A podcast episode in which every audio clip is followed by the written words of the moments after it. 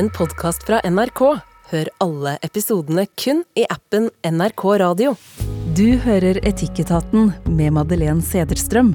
Är vi människor i grunnen små slemme jävlar som kommer til å kaste seg over varandra med uhemmet vold? Hvis civilisationens ferniss flager av. Eller ligger det her med medmänsklighet og humanism dypt inne i oss som naturliga egenskaper? Välkommen till Etikettaten, NRKs lilla filosofihjørne der vi etter bästa evne prøver å snakke om hva som gjør oss mennesker til de vi er. Og kanskje litt om det vi bør gjøre for å gjøre oss bedre, både for oss selv og for hverandre. Det her er jo programmet der vi ikke kommer med noen svar med två streker under, som oftast i alle fall. I panelet leder for Filosofisk institutt på NTNU i Trondheim, Heine Holmen, komiker og skribent Sigrid Bonde Tusvik, forfatter, dramatiker, programleder, kjent for mange fra radioprogrammet Norsken, svensken og dansken, Hassan Preisler. Og jeg heter Madeleine Cederström. Det her skal vi prate om i dag. Bør vi slutte å kjøpe Barbie- og Ken-dukker for å motverke usunne kroppsidealer? Skal vi kunne tulle med alt, eller fins det etiske grenser for humor? Har vi skapt et mannefiendtlig samfunn der vi ofrer unge gutter i likestillingens navn? Og må vi akseptere at det blir flere narkotikamisbrukere for å få bukt med den organiserte kriminaliteten? Og bør religiøse plagg bli forbudt i skolen? Jeg har et spørsmål til panelet helt først. Hva lekte du med som liten? Sigrid, hva lekte du med som liten? Jeg har jo veldig raddisforeldre, så jeg lekte mye med klinkekuler. Jeg fikk absolutt ikke Barbie. Hassan, var det mye Barbie i ditt hjem? Jeg, som jeg husker det, så hadde min lillesøster og hennes venninner Barbie-dukker. Jeg er ikke helt sikker på det, men jeg, jeg kan huske jeg en årgang leget med babydukker. Ellers så har jeg primært leget med krigsleketøy. Det var ellers forbudt i min, øh, i min omgangskreds, fordi jeg er jo vokset opp i hippieland. Just det, precis. Både du og Sigrid har den bakgrunden. Va? Så att det hade, du fikk ikke lov å leke med Barbie, du fikk ikke lov å leke med krigsleksaker, Hassan, eller? Nej, det er riktig. Ja, mitt største ønske var å få en J.R. Ewing-dukke. Øh, Jeg vet ikke, om I kan huske den Jo. serie, der hed Dallas, men der var jo sådan en, en stærkt højreorienteret, meget brutal kapitalistisk figur, som hed J.R. Ewing, og jeg elskede ham. Hur var det med dig Heine? Var det mye Barbie og, og krigsleksaker i ditt hem? Nei, Som et barn av 80-tallet og Sky Channel og i arbeiderklassen i Fredrikstad, så det gikk i Transformers og usunne actionfigurer, og jeg skulle veldig gjerne hatt en JR Ewing-dokke, for det, det var min helt også. Nei. Jeg var, eh, jo, jo, jo. jeg elsket Dallas som barn. Barbie, let's go party.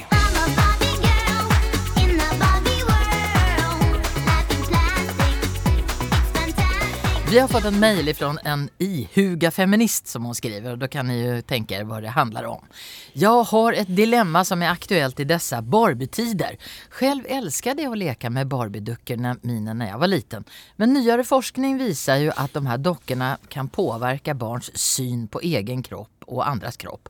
Barbie framställs ju också som sexobjekt när hon lever i den här rosa plastik-fantastik-livet. Någonting som strider med allt jag står för när det kommer till sunda värdier. Jag vill ge mina döttrar. Bör jag inte ge dem Barbie-dockor?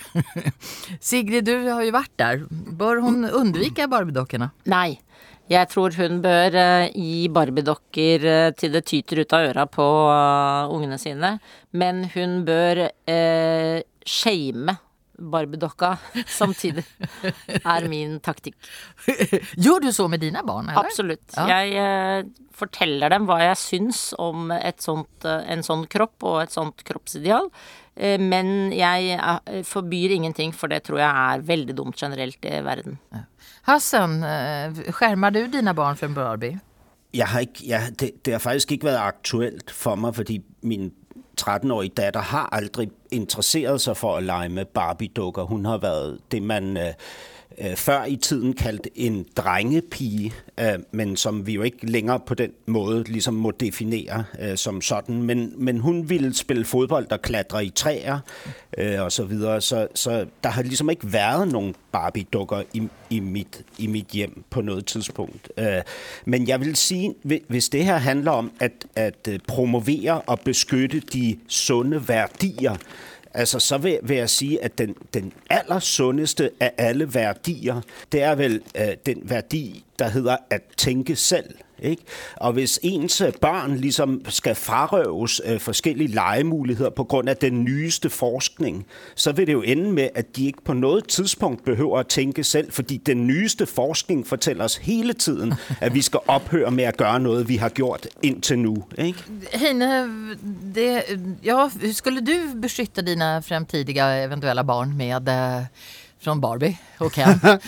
Det er veldig fristende, men eh, å gå på et sånn type prosjekt og tenke at du skal forme verdiene til ungene dine eh, på den måten. Men jeg, jeg, tro, altså, jeg tror for det første det er, det er plent umulig å få det til. Vi lever i et samfunn, og de, det samfunnet er der eh, åkke som om du prøver å rydde bordet rent for eh, dine egne barn.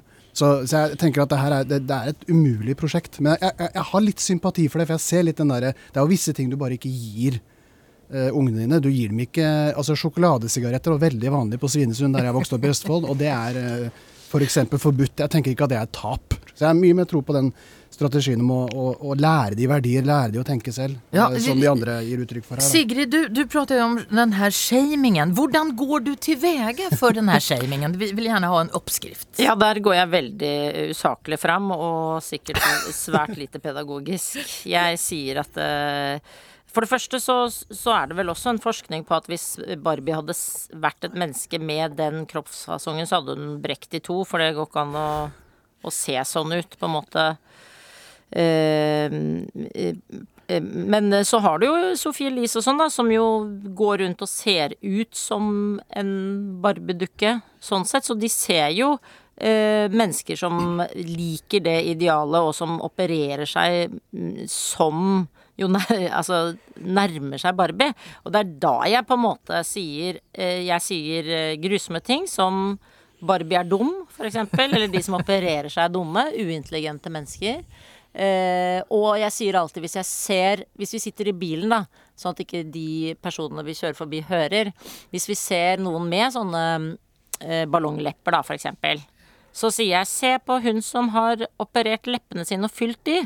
Det som er litt trist for henne, er at alle ser at hun har fylt leppene. Det er ingen som sier 'å, så fine lepper du har'. Og det prenter jeg inn i ungene hele tiden, sånn at de liksom skal lære seg at det, det, er, det er greit å fylle leppene, men det er på en måte ingen som roser deg for de leppene. Alle bare ser at de er fylt. Tror du at det hjelper? Kommer det hjelpe, Eller virker det også mot sin hensikt? Det, altså, de kan jo sikkert ha et kjempeopprør inn, innabords. Som de, kommer, de kommer hjem med piercinger her og der, og tatoveringer og fylte lepper og eh, silikonpupper. Hvem vet. Men eh, altså, da blir de arveløse, selvfølgelig. Og, og vet hva jeg mener. Hassan, har du samme taktik eller tror du på Sigrids taktik? Det, altså, det er ikke den taktik, jeg anvender meg men det, det tror jeg er, fordi jeg ble utsatt. Som barn ble jeg utsatt for, uh, for øh, hvad hedder det, den der shaming over for, for de kulturer, som mine forældre ikke kunne lide. Altså, øh, og mine forældre var som sagt ekstremt venstreorienterede hippier. Ikke? Øh, Så, så det her med, med ligesom at, at true og shame, har jeg jo opdaget har haft den modsatte effekt på mig, fordi den dag, jeg fandt ud af, at de her voksne omkring mig, inklusive mine forældre, var lige så idiotiske som alle andre mennesker, så begyndte jeg jo at opsøge alt det, de havde fordømt og kategoriseret som noget, der skulle udskammes. Ikke? Og, så, og, så, og så blev jeg jo til alt det, som de ikke ville have, jeg skulle være. Altså, jeg blev jo et borgerligt røvhul, ikke? Øh, sådan som de virkelig havde ønsket, jeg ikke skulle være. Heine, får vi lov at påføre våre barn sån, våra verdier på det her viset? Nei. Nei, nei, nei. nei, nei, nei. Jeg kjemper mot shaming. Altså det, det, det tenderer jo fort mot uh, mobbing. da? Og, og jeg er litt sånn, Når det gjelder disse tingene her, sånn Barbie og diverse podkaster som har vært på NRK med ulike folk som kanskje ligner på Barbie osv., det blir fort en sånn der hysterisk uh, massesuggesjon rundt i, at vi er så veldig, dette er så veldig farlig. Eh, og, og jeg syns det er en tendens til at det fort går utover særlig unge kvinner som, eh, som er litt utsatt. Da. Vi er veldig gode på å shame kvinner på alle mulige måter. Så jeg syns det her fort blir en sånn Nå, jeg, nå tar jeg på meg moralhesten her, men at det fort blir en sånn litt sånn heksejakt da, mot, eh, mot kvinner som ser ut som kvinner, eller som på en måte er kvinnelige, eller dyrker en kvinnelig skjønnhet. Og det er det jo tradisjon for å være negativ til i vestlig samfunn. Det er jo en del av feminismen å jobbe med de tingene der også. Så jeg er litt sånn jeg skjønner at det her blir gjort i det godes eh, øyemed, og at man prøver å ta tak i noen usunne verdier og usunne kroppsidealer. Men vi skal ikke gå så langt at vi begynner å dyrke et slags eh, kvinnehat eh, heller, da. Sigrid, du forsvarer det her, tror jeg. Ja, altså nå er ikke regelen i feminismen at du skal heie på absolutt alle kvinner. Så det er jo som at alle menn burde støtte Putin fordi machomannen viser muskler. Så da Vi skal jo vi skal alltid kritisere, og, og det jeg syns er viktig nettopp med det, er jo at det er en ekstremt usunn eh, tendens nettopp til at man eh, tar eh, Fordi man ikke kritiserer og shamer, så tar man plutselig lett på at man opererer seg. Og hvis man skal se på det store bildet, så snakker man jo også om at man skal forby eh, plastisk kirurgi fordi det øker antibiotikaresistensen i verden. Så der har du jo det store bildet nettopp i feminisme, da, at du må stoppe dette hysteriet om å operere seg. Så det er jeg veldig fan av, å kritisere folk som eh, stadig vekk tar inn og ut og inn og ut, og ikke finner seg sjøl på en annen måte. Hvis jeg bare lige må afslutte, altså for, for mitt vedkommende, jeg er stor, stor modstander av udskamning og kategorisering og fordømmelse og, og så videre. Med mindre øh, jeg nå oplevede, at min datter lige pludselig vil vælge at tilslutte sig en eller anden form for neomarxistisk nyhippie-bevægelse med et tilhørende kropsideal, som ligesom er, vi brænder vores BH og, og hvad hedder det, går med frie bryster og, og brede ben i bukserne og sådan noget, ikke? så vil jeg shame og fordømme og kategorisere så stærkt som en hest kan rende.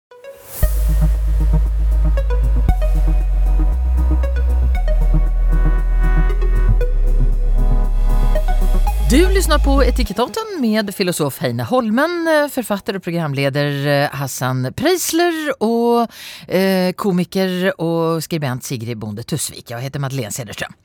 Vad skulle ske om alla invandrare förlot våra länder? Ja, det här är satirkollektivet Gigi. De är aktuella med en ny Teine-film som heter Shabholm där en styrtrik oljeshejk köper upp hela Bornholm och gör om det till ett arabiskt paradis varpå alla invandrare i Danmark flyttar dit. Och Danmark blir tömt för alla med muslimsk identitet. Men blir då Danmark ett paradis för de danska? Det är det som filmen eh, sätter ett spörsmålstegn ved. Och först till panelet. Låt oss litet tankeexperiment. Och, och, och, och, säg, låt oss säga att, att alla invandrare med muslimsk bakgrund lämnade vårt land. Vad skulle ske i eh, Danmark då, eh, Hassan? Hur skulle det se ut i Danmark?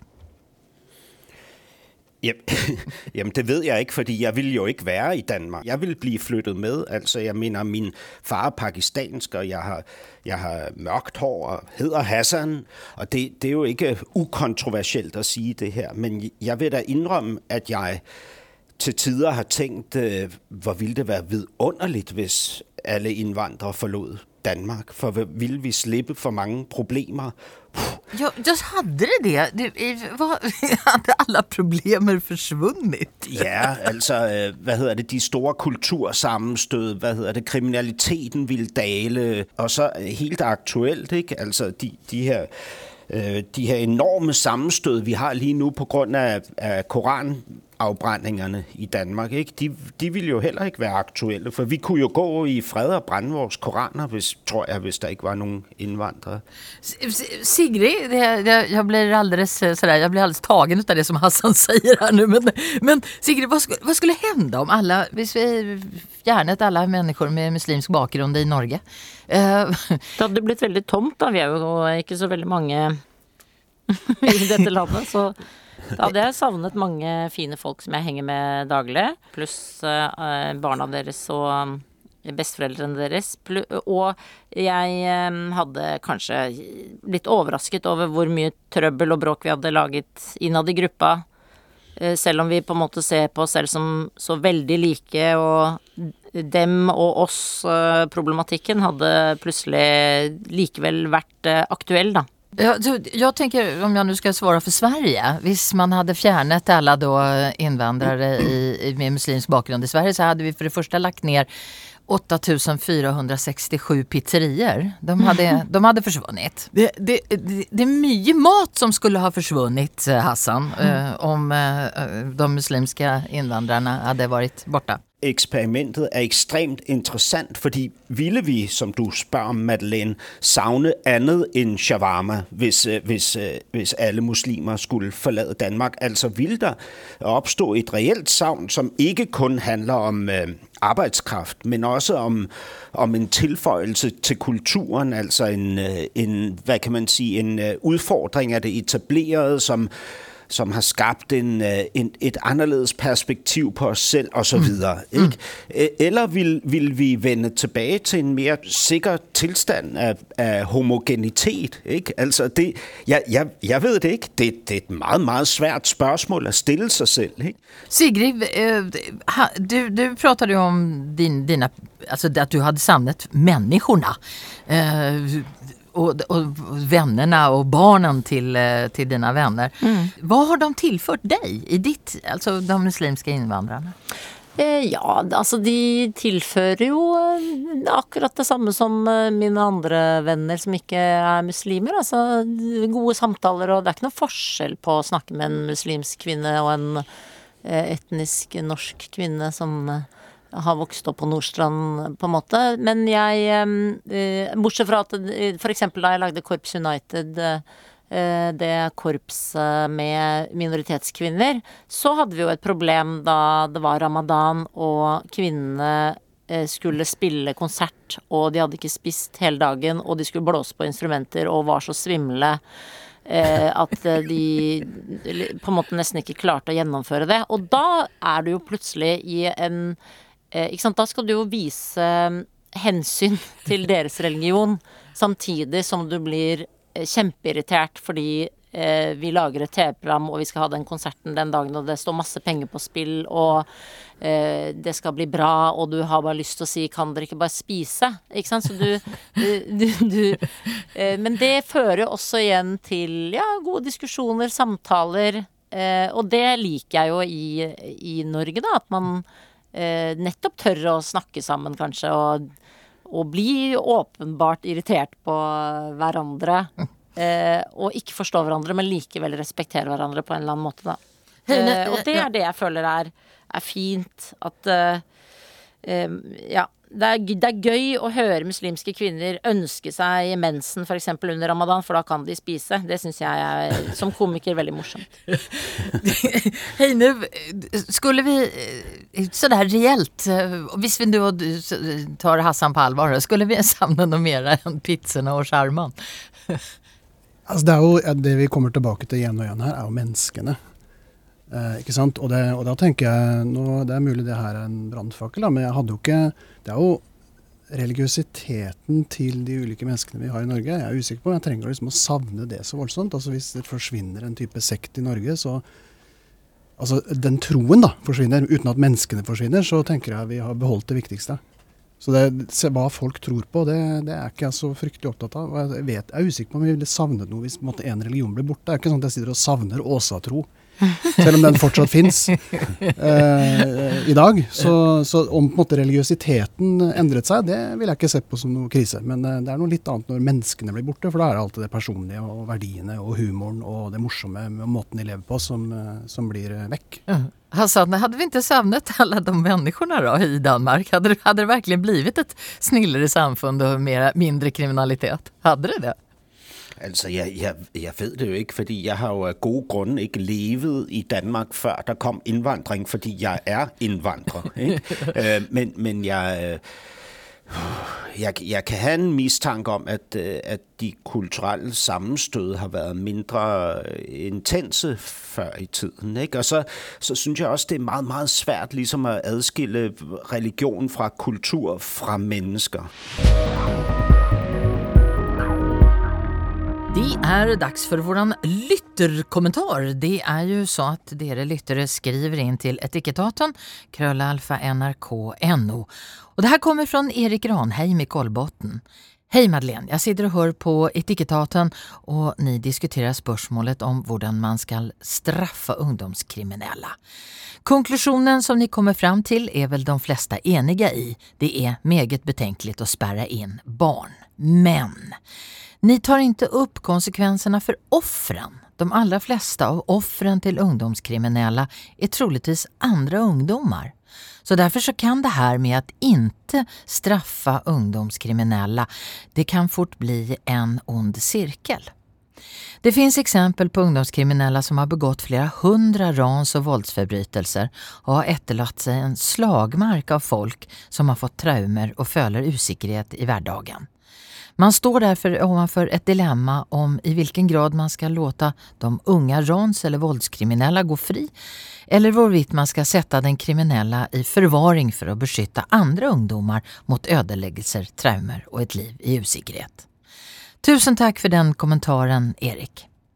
Skriv in som sagt til etikettaten krøllalfa nrk.no.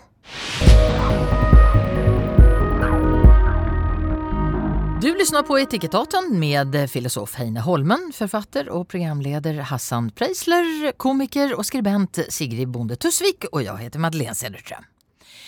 Til panelet nu allra først. Eh, Hvordan oppfatter du deg? Er du eh, guttejente eller er du en myk mann? Eh, vi kan börja med eh, Sigrid. Vad er du? Jeg er en myk mann. Bra. Hva er du, Hassan? Ja, det er jeg också, ja. klart. Heine? Er myk når det trengs. Ja. Vi har alltså tre myke män i studion. Eh, kanskje jeg også er en myk man, det vet jeg ikke. Det er fyra myke menn. Vi skal nemlig snakke om hvordan vi ser på maskulinitet hos eh, menn først og fremst. For i sommer så kom en meget omdiskutert ytring på NRK fra en psykologistudent som mente at unge menn i dag ikke får lov til å være menn. Mykhet har blivit det nye idealet. Mannen skal så langt det lar seg gjøre sosialiseres til å bli mer feminin og fredelig. Nu fikk jo kronikkforfatteren mye motstand i etterkant, men la oss her i etikettaten bore oss ned litt grann der det gjør vondt. Kan det hende at det ligger noe i det her? Har vi ofret guttene på likestillingens alter? Og da, Sigrid, vær så god. Det er veldig hyggelig å åpne ballet. Jeg eh, skjønner ikke helt det her, men jeg er dypt bekymret for at eh, unge menn eh, føler det. Eh, så jeg syns vi skal virkelig ta det på alvor. Det jeg ikke skjønner, er at de sier at vi har en feminisert skole og sånn. Da jeg for 30 år siden gikk på skolen, var det også feminisert. Og jeg vet ikke helt hvor de vil tilbake, hvilket skolesystem de vil tilbake i de som klager over at eh, mannen eh, er for myk og, og er da taperen i samfunnet. Fordi vi hadde jo De fleste lærerne var kvinner for 30-40 år siden også, og, og det var samme type skolesystem. Det var jo ikke avstraffelser eller eh, militær eh, stil på skolen eh, på den tiden heller. Eh, Så da må du på en måte tilbake til 50-tallet, da, kanskje, hvis det er det som er idealet, og det er da mannen ble sett på som mann. Nå er jo det et unntak, viser jo historien, ikke sant. At eh, 1800-tallsmannen var jo også myk mann, og det er det de på en måte disse gutta kanskje glemmer.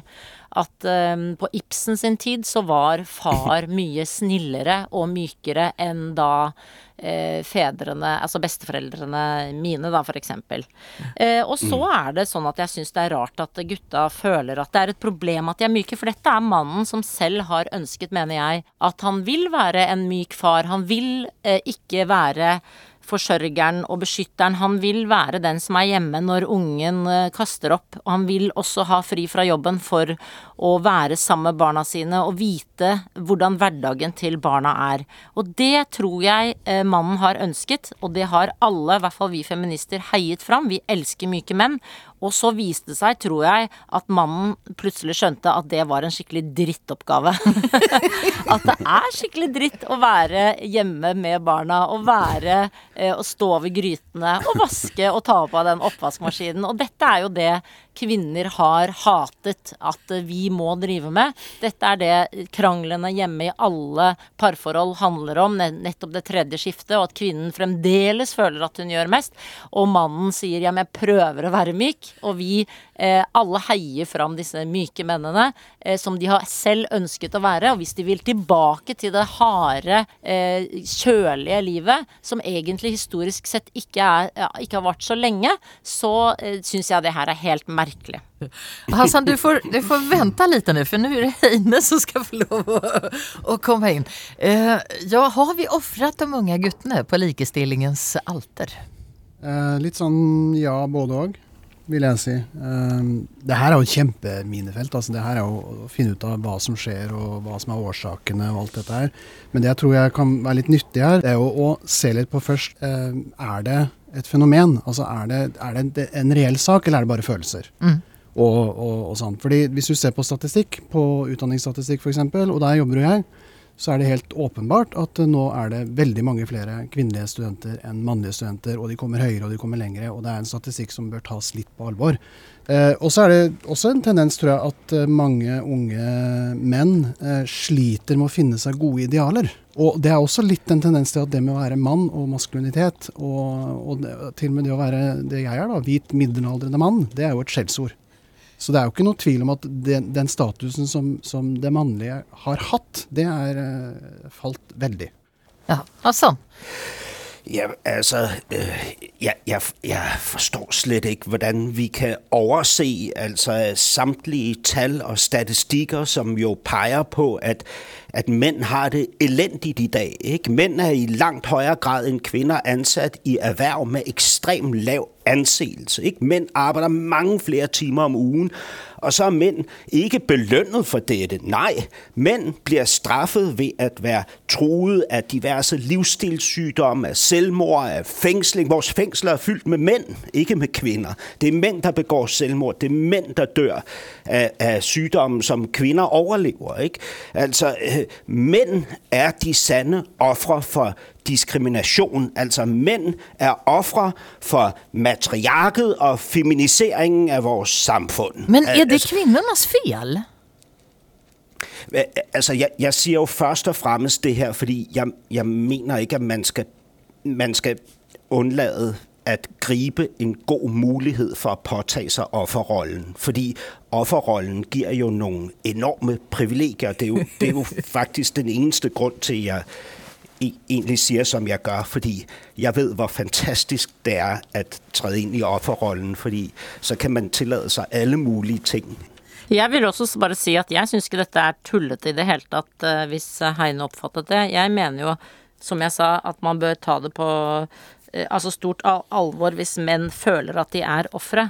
Eh, Jeg bare syns det er rart. eh, Jeg skjønner ikke helt når det begynte, da gutter eh, begynte å mistrives på skolen og henge etter. Eh, Det skjønner jeg ikke når begynte. Det vil jeg gjerne se en forskning på, eller på en måte at vi diskuterer når begynte dette? Når begynte guttene å falle fra, og, og hvorfor? Og det tror jeg ikke har noe med at det er en feminisert skole å gjøre. Eh, Tror jeg, da.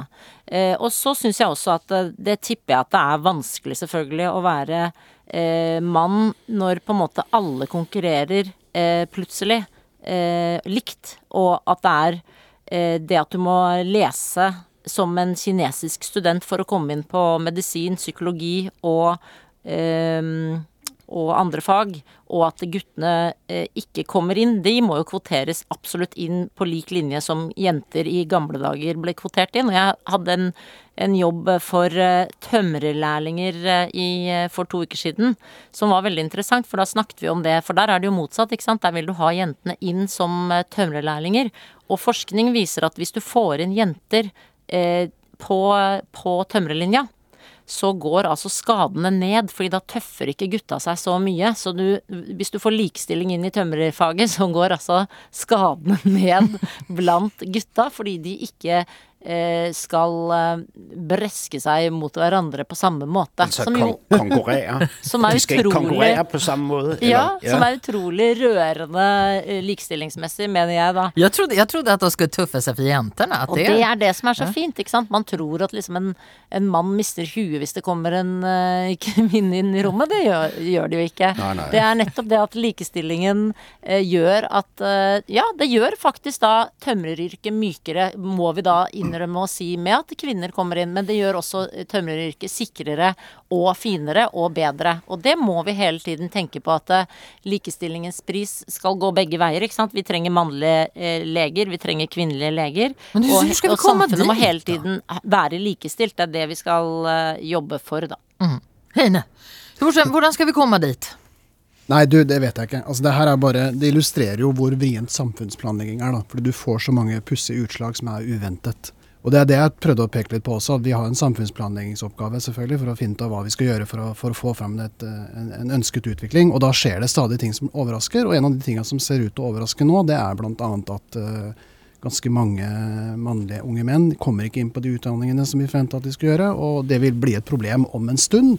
uh, kanskje i motsatt fortegn. Og Det er jo det jeg pekte på, at det bør tas litt på alvor. og da er jo flott at vi er enige om det alle sammen, tenker jeg. Men hva vi skal gjøre, det er veldig vrient. for da, da er det liksom samfunnsplanleggerens paradoks.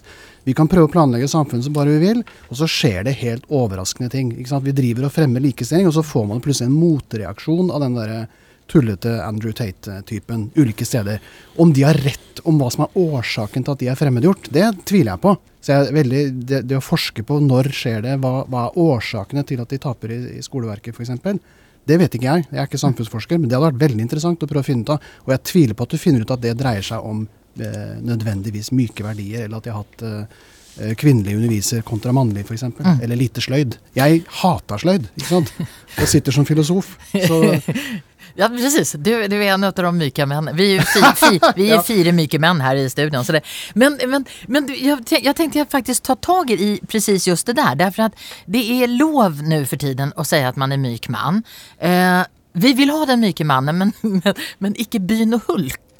Var det någon som skrev. Uh, Sigrid, ligger det, är det där det ligger? Att vi, vi tillåter dem inte å gå och bli myke nok? Jo da, eh, jeg eh, er helt sikker på at vi gjør det. At vi, selv om vi ikke får til å ta psykisk sykdom på alvor Eller altså, vi tar det på alvor, men vi får det ikke helt til å løse det helt ennå. Så er vi jo på vei inn mot at menn får lov til å si at de er deprimerte og at de sliter. Og alle tar på alvor at det er mest menn i fengsler.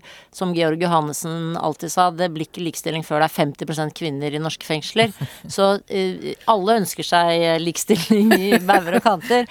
Og eh, at mannen får lov til å hulke, det skal han få lov til. Men det er ingen som på en måte, i hvert fall jeg vil bare si som feminist, det er ingen feminister som vi ikke vil at mannen skal ha det bra, og det er veldig viktig at vi ikke får et samfunn der, de, der, vi, der det er masse unge eh, gutter som tror at eh, noen har lyst til å holde dem nede. Det er det absolutt ingen som har lyst til. Det, ikke, det gagner ikke samfunnet at det går masse gutter rundt og blir sinte og føler at de ikke får vært eh, den macho mannen de er, fanget i en myk kropp. Heine skal få lov å avsluta. Ja, altså, jeg, jeg, bare, jeg bare tenker at det her er uh, mangefasettert. da, Og det, det er ikke noe tvil om at uh, Jeg er helt sikker på at uh, reflekterte feminister og reflekterte Jeg er jo feminist. altså, og reflekterte folk i, i generelt vil hverandre vel og vil at man skal ha likestilling og reelt sett. Men det er ikke noe tvil om heller at det i subkulturer så foregår det veldig mye rart. Vi har manosfære, det er nå et etablert begrep. Folk som sitter og gjør aktiv motstand mot feminisme og likestilling. Men du har jo også et nytt fenomen som heter kvinnosfære, sant, som er motreaksjonen. Og den er heller ikke spesielt sunn. Det er ikke sånn at jeg tenker at den, den motreaksjonen der vil meg som hvit middelaldrende mann vel. Det virker ikke sånn. Så det, er, det her er mangefasettert, og det er ikke så rart at det driver og foregår ganske sterke kamper om det, det temaet her i, i subkulturen. da. Detta er Etiketaten med filosof Heine Holmen, forfatter og programleder Hassan Preisler og eh, komiker och eh, skribent eh, Sigrid Bonde Tusvik. Jeg heter Madeleine Cederström. Og da skal vi til det evige spørsmålet hva gjør vi med den organiserte kriminaliteten? Eh, Skulle det til eksempel være bra å legalisere marihuana og hasch? Får man spørre noe så skrekkelig eh, personlig som eh, Ni behøver ikke svare, altså. Men om ni har prøvd hasj? Får jeg lov å stelle det, eller? Ja. ja. ja. Ja, Sigrid? Nei, jeg har aldri prøvd eh, noe annet enn vin og øl og sprit. Altså, får man spørre det? Ja, altså, jeg forestiller meg at jeg har at, at jeg ikke engang har vært ett år gammel da jeg var skjev første gang, fordi der ble røget hasj over det hele omkring meg i min barndom. Ikke? Og jeg, jeg begynte også å ryge selv som 13-14-årig. Jeg røg faktisk daglig i en periode. Og så hadde jeg et tilbakefall da jeg var i slutt 20'erne og befant meg i et ekteskap som var hvad kan man øhm, berøvet for, for øh, seksuel kontakt på, på et sådan niveau, at vi ligesom kun kunne aktivere det igen, når vi var meget, meget skæve.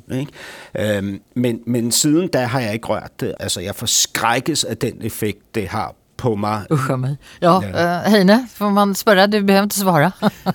Det var det året jeg fylte 19. Og der var jeg i Kristiania, faktisk, i København. Hvordan virket det på deg? Jeg syns ikke det var noe heldig. Jeg, jeg fikk et eh, angstanfall, blant annet. Og det, siden har jeg ikke rørt det der. Nei. Eh, det er en enorm organiserad kriminalitet som eh, organiseres runt hasch og marijuana, eller narkotika rättare sagt. Och det är många forskningsartiklar som säger och pekar på, och många experter som pekar på att visst man hade infört en slags regulert eh, legalisering utav hasch och marijuana så hade man åtminstone påverkat den organiserade kriminaliteten. Skall vi eh, acceptera flera eh, marijuana och haschbrukare för att minke den organiserade kriminaliteten? Er spørsmålet. Börja med deg, Hassan. Altså, for, for gir spørsmålet ikke riktig noen mening. Jeg, jeg ved, at det er oppe for tiden i Danmark, fordi vi jo netop har haft enda et uh, hasrelateret mor på netop Christiania, hvor Heine hadde sine jomfruerfaringer med, med has. Ikke? Øhm, og at man derfor nu taler om at komme det her meget, meget brutale øh, kriminelle hasmarked til livs ved at legalisere hassen. Ikke? Altså det, det er jo ikke ret mange andre områder, hvor vi taler om legalisering, hvis, øh, hvis kriminaliteten stiger eller bliver mere brutal. Altså forestil jer, at man, at man ligesom ville komme vanvidsbilismen til livs ved at forhøje hastighedsbegrænsningen. Altså for, for mig er det, er det helt tosset at afkriminalisere øh, has øh, og øge tilgængeligheden. Ikke? Vi ved jo, at banderne, øh, som styrer hasmarkedet i Danmark, vil, vil, vil udvide og, og, og hvad hedder det, arbejde på andre områder. Ikke? Øh, Deres brutalitet vil fortsætte, men nu vil det så handle om coke. Og så allervigtigst, ikke? Når, øh, altså hvis man har den filosofiske betragtning af has øh, er, er øh, eller sundhedsmæssig betragtning af has er skadeligt, ikke? Så, så ved vi jo fra alle mulige andre statistikker på andre områder i forhold til rygning, tobaksrygning og alkohol osv., at tilgængelighed udvider forbruget, ikke? og begrænsninger indsnæver forbruget. Ikke? Sigrid, skal vi acceptera flera eh, narkotikamisbrukare eh, og, f- og på den måten eh, få ned den organiserede kriminaliteten? Eh, Det er jo et kjempevanskelig spørsmål det her, syns jeg. Fordi eh, hvis man alltid ser på hvor eh, narkotikaen kommer fra, så er jo det fra et forferdelig sted eh, med mye fattigdom og nød, eh, som regel. Og så sitter vi jo i enden av eh, importen og kan på en måte ha våre problemer nettopp med bander og alt mulig, men man bør jo alltid egentlig Ja, altså man bør se hele linjen, da, egentlig. Mm. Det prøver jeg jo alltid å si til de som um, um, bruker narkotika, at du at du må huske på på en måte hvor det kommer fra, hvor mange ledd det har vært igjennom før det kommer til våre havner, da, som er helt her oppe i nord. Eh, men kanskje det hadde vært smart da å ha eh, vinmonopol, med, altså hasjmonopol, og fått staten inn som kunne holde i det og nettopp regulere det, da. Det er jo ikke Du kan jo ikke Altså, du, du har jo kvoter, og du kan ikke bare eh, kjøpe alt du vil på, på taxfree-en, for eksempel. Det er jo gøy hvis man begynner å få sånne eh, hasj taxfree der du kjører Og så tenker jeg jo at det, er så mange unge mennesker nå som snakker om narkotika, som bruker eh, mye weed. De har jo blitt eh, nark narkoeksperter, alle disse 20-åringene. De kan alt om hva slags rus som gir dem hva type Alt mulig. De har prøvd sopp og MDMA og kokain, og de, hold, og de er veldig opptatt av det naturlige i weeden, da. Så eh, man kan jo på en måte Jeg tenker at det, måten å få, få det ned på, hvis vi da på en måte skal få bort kriminaliteten, er jo nettopp at vi legaliserer det, får det inn i et eller annet system, sånn at vi får bukt med nettopp eh, den fattigdommen i den andre enden. For det er da man kanskje begynner å rydde opp i det, da. Og så får vi heller ha kjempestore kampanjer som forteller eh, hvor skadelig det er. Litt sånn som snus har kommet nå, ikke sant. At man, at man plutselig skjønner at snus er kreftfremkallende, som jo ikke jeg syns var et sjokk. Men, men, men Nå snuser jo ikke jeg, da. Men, eh, men jeg syns jo det er interessant det der med at eh, man ikke husker på en måte hele Kjeden. Hele kjeden da, av mm. lidelser for det du driver med. Heine? Nei, eh, det, det høres kanskje ut som at vi burde vurdere å innføre det nye VID-monopolet, ikke sant? Så å få Altså det, det er jo helt av, avgjørende hvis man skal gjøre dette her eh, legalisert, at det blir kontrollert med at staten tar seg innkjøp. får, eh, jeg ser jo for meg en fremtid hvor du kan ha Akkurat som vi har rettferdig og økologisk eh, kaffe, så får vi rettferdig og økologisk hasj og marihuana på, på statlig salg. Det, altså det hadde gjort ting mye mye bedre i forhold til å gjøre noe med den store problematikken med organisert kriminalitet. For det er jo ikke noe tvil om at det her er en jævlig industri hvor, eh, hvor, eh, hvor det ligger lik på veien. Så det, det å være litt moraliserende i forhold til akkurat det, syns jeg er null problem. Jeg er kjempeopptatt av økologisk kaffe. ikke sant? Og så, så har vi folk som driter i det her når de er på fest og tar, eh, tar ting. Og det er ikke bare snakk om unge, her er også snakk om et høyt, ganske høyt forbruk på, på Oslo vest. Eh, hvor det er ganske tunge ting som tas. Så det å på en måte gjøre noe med den, med den industrien der, det har jeg null problem med å gjøre. Da må staten inn med kampanjer og alt mulig. Vi har jo skrudd ned røyking til å bli nesten en sånn tapervirksomhet. Så, så det er mulig å endre ting veldig fort. Og da jeg var ung, så var ikke røyking en tapervirksomhet. Da satt med de kule i den eh, riktige delen av kantina på Blindern og røyka så det holdt etter. Og det har snudd helt om. Hassan? Ja, men jeg, jeg synes, altså, jeg kan jo sagtens se, at det I sier indeholder øh, altså fornuft, ikke? Fordi, hva hedder det, sådan et statsmonopol, hvor man liksom kan regulere det, så det blir etisk og bæredyktig og økologisk og så videre. Øh, Men hva så med coke, og hva med heroin? Mm. Skulle man liksom gøre det samme med de her stoffer, når, når nu at at banderne vil overtage markedet, eller vil, vil udvide markedet måske for, for de her ting, ikke? Kunne, vi, kunde vi ha legaliserat alt? Og så, og så bare talt om hvor farlig det er? Nei, nei, du må jo ha noen grenser. Du kan ikke selge folk ren gift og så si dette her må du ta med forsiktighet eller ikke i det hele tatt. Det er kjempefarlig. Eh, Vi, vi holder jo igjen visse ting. Eh, Det gjør vi jo. Men vi selger jo samtidig Vi tillater jo samtidig at folk kan bruke ting som er farlig. Altså vi har, Sigaretter er ikke ulovlig. Og ikke alkohol heller. Ikke alkohol heller. ikke sant? Så det, det er jo, og det, Sigaretter er på ingen måte bra. Det er ikke noe som helst. altså Kanskje med unntak av den psykiske velværen som kommer uh, av å få seg en blås.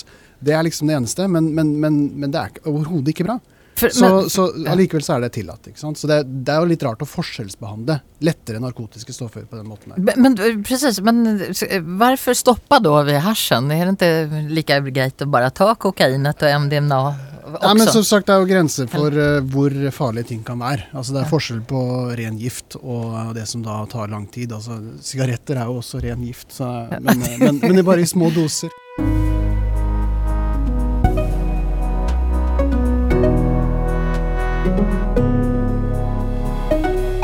Detta är alltså Etikettaten med filosof Heine Holmen, författare och programledare Hassan Preisler och eh, standup-komiker och eh, skribent Sigrid Bonde Tusvik. Jag heter Madeleine Cederström. Protesterade dina föräldrar någon gång mot det du hade på dig eh, när du var ung eller liten? Vi börjar med dig Sigrid. Var, var dina föräldrar någon gång oeniga i din påklädning? Ja, eh, jeg hadde en lang periode da jeg kjøpte klær fra dødsbo på loppemarked, særlig fra en, eh, en død nabo som eh, da var en gammel mann, og jeg gikk i bare sånne manne, mannedressbukser som jeg sydde inn, og herreskjorter og gamle ullgensere, og det syntes de var lite flatterende. Heine, fikk du noen begrensninger på påkledning når du var liten? Jeg lurer litt på om jeg var innom samme døde mann, jeg, for jeg gikk også i, i, i mye brukte klær, og det syntes mine foreldre var helt absurd, at man skulle gå i dødsboklær fra Fretex og osv. Men det var, det var vår trend. Vi gikk i altfor svære, slitte, gamle klær. Ja. Hassan, hadde dine Ja, det, det er virkelig sjovt, at I, I en, øh, i Norge, der vælger man en, en avdød nabo, og så tager man hans tøj på.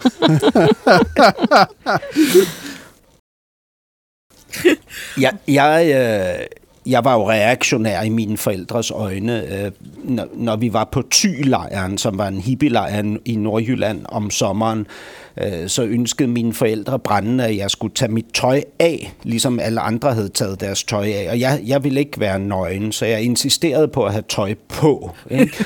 og så gik jeg ligesom rundt, der var sådan et øh, lysende symbol på en slags, øh, hvad kan man sige, indgroet øh, reaktionær øh, tendens i vores familie. Ikke? Og, og, og jeg tror, mine forældre skammede sig voldsomt over, at jeg havde øh, tøj på. Ikke?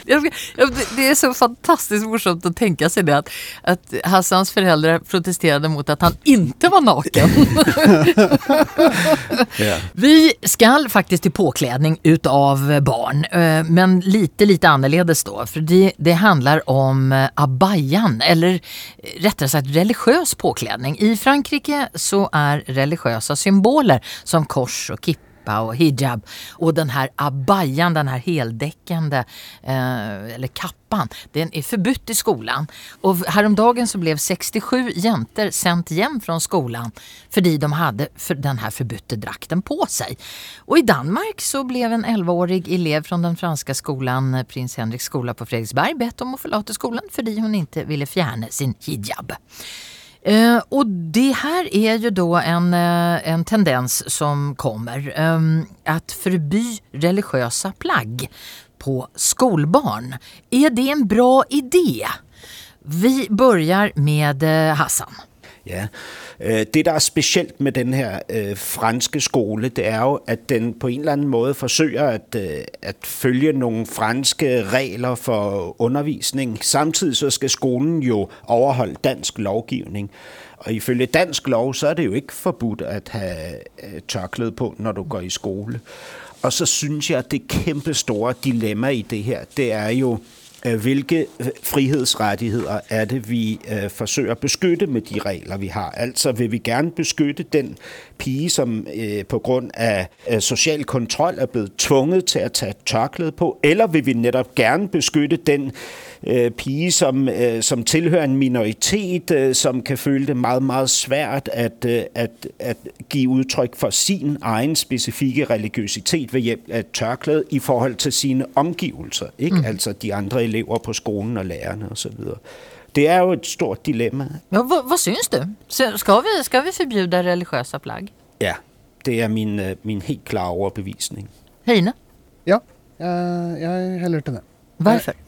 Altså, eller heller til det. Altså, heller jo til det i en offentlig kontekst. da. Det er jo selvfølgelig ikke lov altså, det, det er jo absurd å forby religiøse plagg i det hele tatt. Eh, religiøsitet hører jo til i et eh, Eller hører til. Det, det er lov å være religiøs, religiøs i et moderne, sekulært, fritt samfunn. Og det syns jeg det er riktig, at det skal være en frihet der. Men eh, det kan også være riktig at man har en viss eh, sekularisert eh, kontekst når man er offentlig, f.eks. i skoleverket. Mm. Men det er klart det er jo måter å håndheve det på som, som kan gjøres på en god måte. Vi trenger jo ikke ha en sånn type klespoliti som går rundt i gaten og passer på at folk opprettholder eh, den sekulære kleskodeksen. Det blir jo helt absurd. Da, jo i, i land, da kan vi begynne å sammenligne oss med, med land som har uh, ulike typer moralpoliti, f.eks. Men helt, jeg tenker det er helt greit å ha forventninger til hvordan man skal være i offentligheten, bl.a. fordi det er noe vi skal være i fellesskap. Og det å da øh, sørge for at man f.eks. bevisst ikke støter hverandre Vi har jo regler i forhold til, øh, til hvor lite klær man kan ha på seg i, i en offentlighet. Og det er bl.a. av hensyn til, til andre. Og Vi får ikke gå nakne. Nei, Det- det, og det syns jeg er helt greit. ikke noe savn å se nakne mennesker i sentrum i Trondheim. Sigrid, hva, hva, skal vi forby religiøs påkledning på, på barn? Jeg vet ikke, kanskje man skal sette på spissen at det må bli likestilt. Det, jeg føler jo ofte at det er det som kjennes ubehagelig, er jo at um, du ser for få religiøse gutter i religiøse plagg, uh, og veldig mange jenter som bruker religiøst uh, hodeplagg. Uh, og det er jo den skjevfordelingen uh, som Vesten og våre demokratier syns er vanskelig, nettopp uh, med tanke på Taliban i Afghanistan og de iranske kvinnene nå som eh, kjemper for retten til å eh, nettopp eh, kaste av seg sjalet. Og det er jo det som er vanskelig, at når du er fan av ytringsfrihet, så skal du egentlig være fan av at alle får lov til å gjøre hva de vil. De, får lov, de skal få lov til å brenne Koranen, og de skal få lov til å gå med hijab hvis det er eller nikab, eller hva, hva de vil som ønske. Men det er jo Jeg er veldig fan av det Hassan og Heine sier, at eh, dette er så vanskelig, og også Det er jo ikke lov å gå naken, som det ble nevnt, ja. At, det, at noen regler bør man ha. Og det er jo også undervisningsmessig hemmende, kanskje. I, ja, at man ikke ser eh, mennesker man skal undervise, da, og få reaksjoner. Og det er jo det de prøver å si, men nå kan du jo si at eh, caps eh, som skygger nedover øya er like irriterende for en lærer hvis en elev sitter og ser ned hele tiden og du aldri får blikk av den ungen.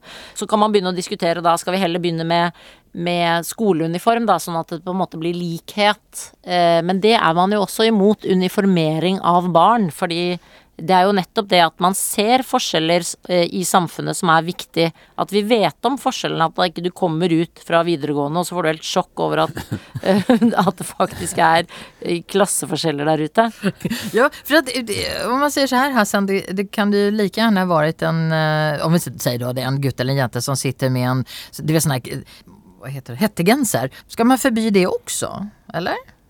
Min datter har lige gået i skole i, i London. Der var det ikke tilladt at have hætte på. Ja. Men, men jeg ved ikke, om man vil påstå i Danmark eller Norge, for den sags skyld, at en hoodie er et, et potentielt undertrykkende redskab. Øh, og, og det er jo det, der ligesom er diskussionen i forhold til det her tørklæde, når vi taler om øh, helt unge piger, altså ned til 10, 11, 12 år, ikke, som lige pludselig dukker op med tørklæde på i skolen. Ikke? Altså er det, hvilken grad af frivillighed er der i det her tørklæde. Det er jo det, diskussionen går på hele tiden. Ikke?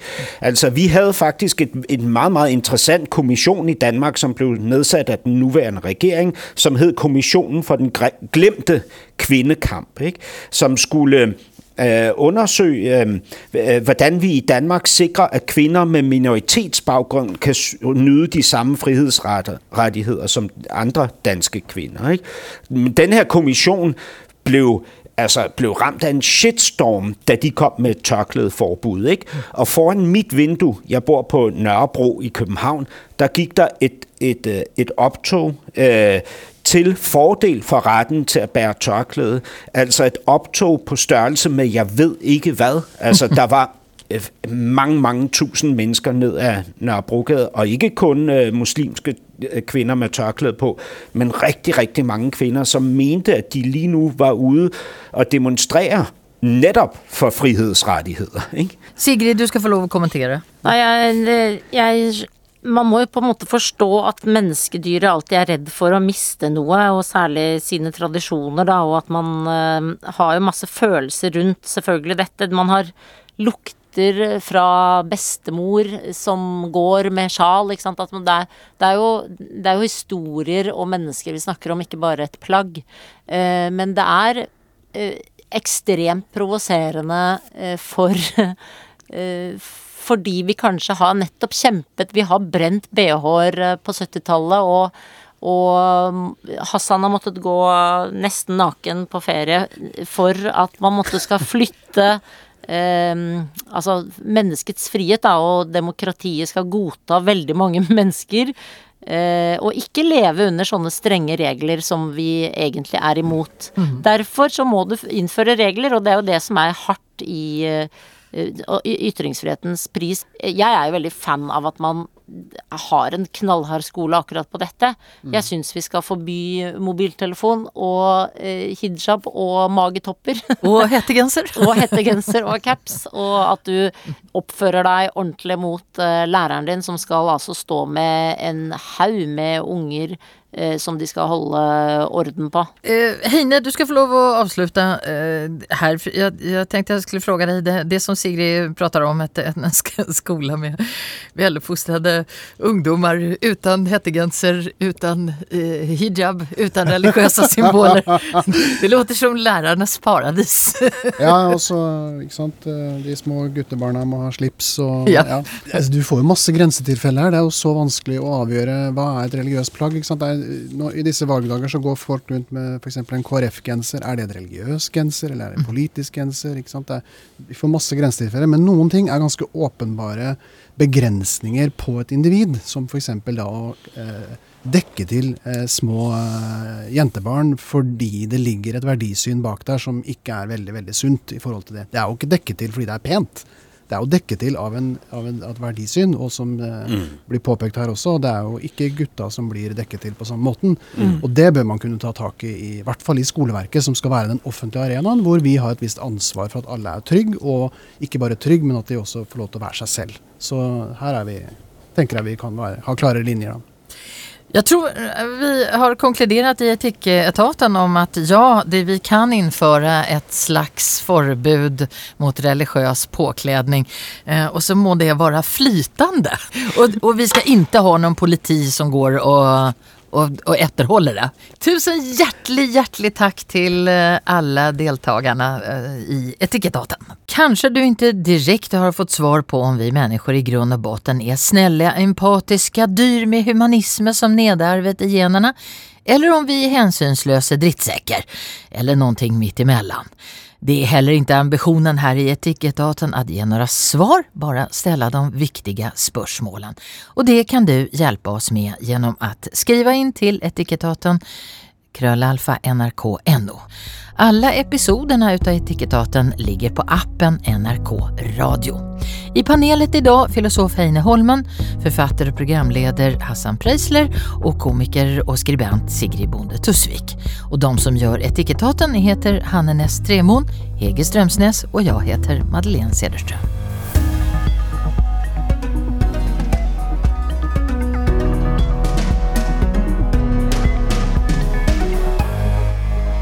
Du har hørt en podkast fra NRK.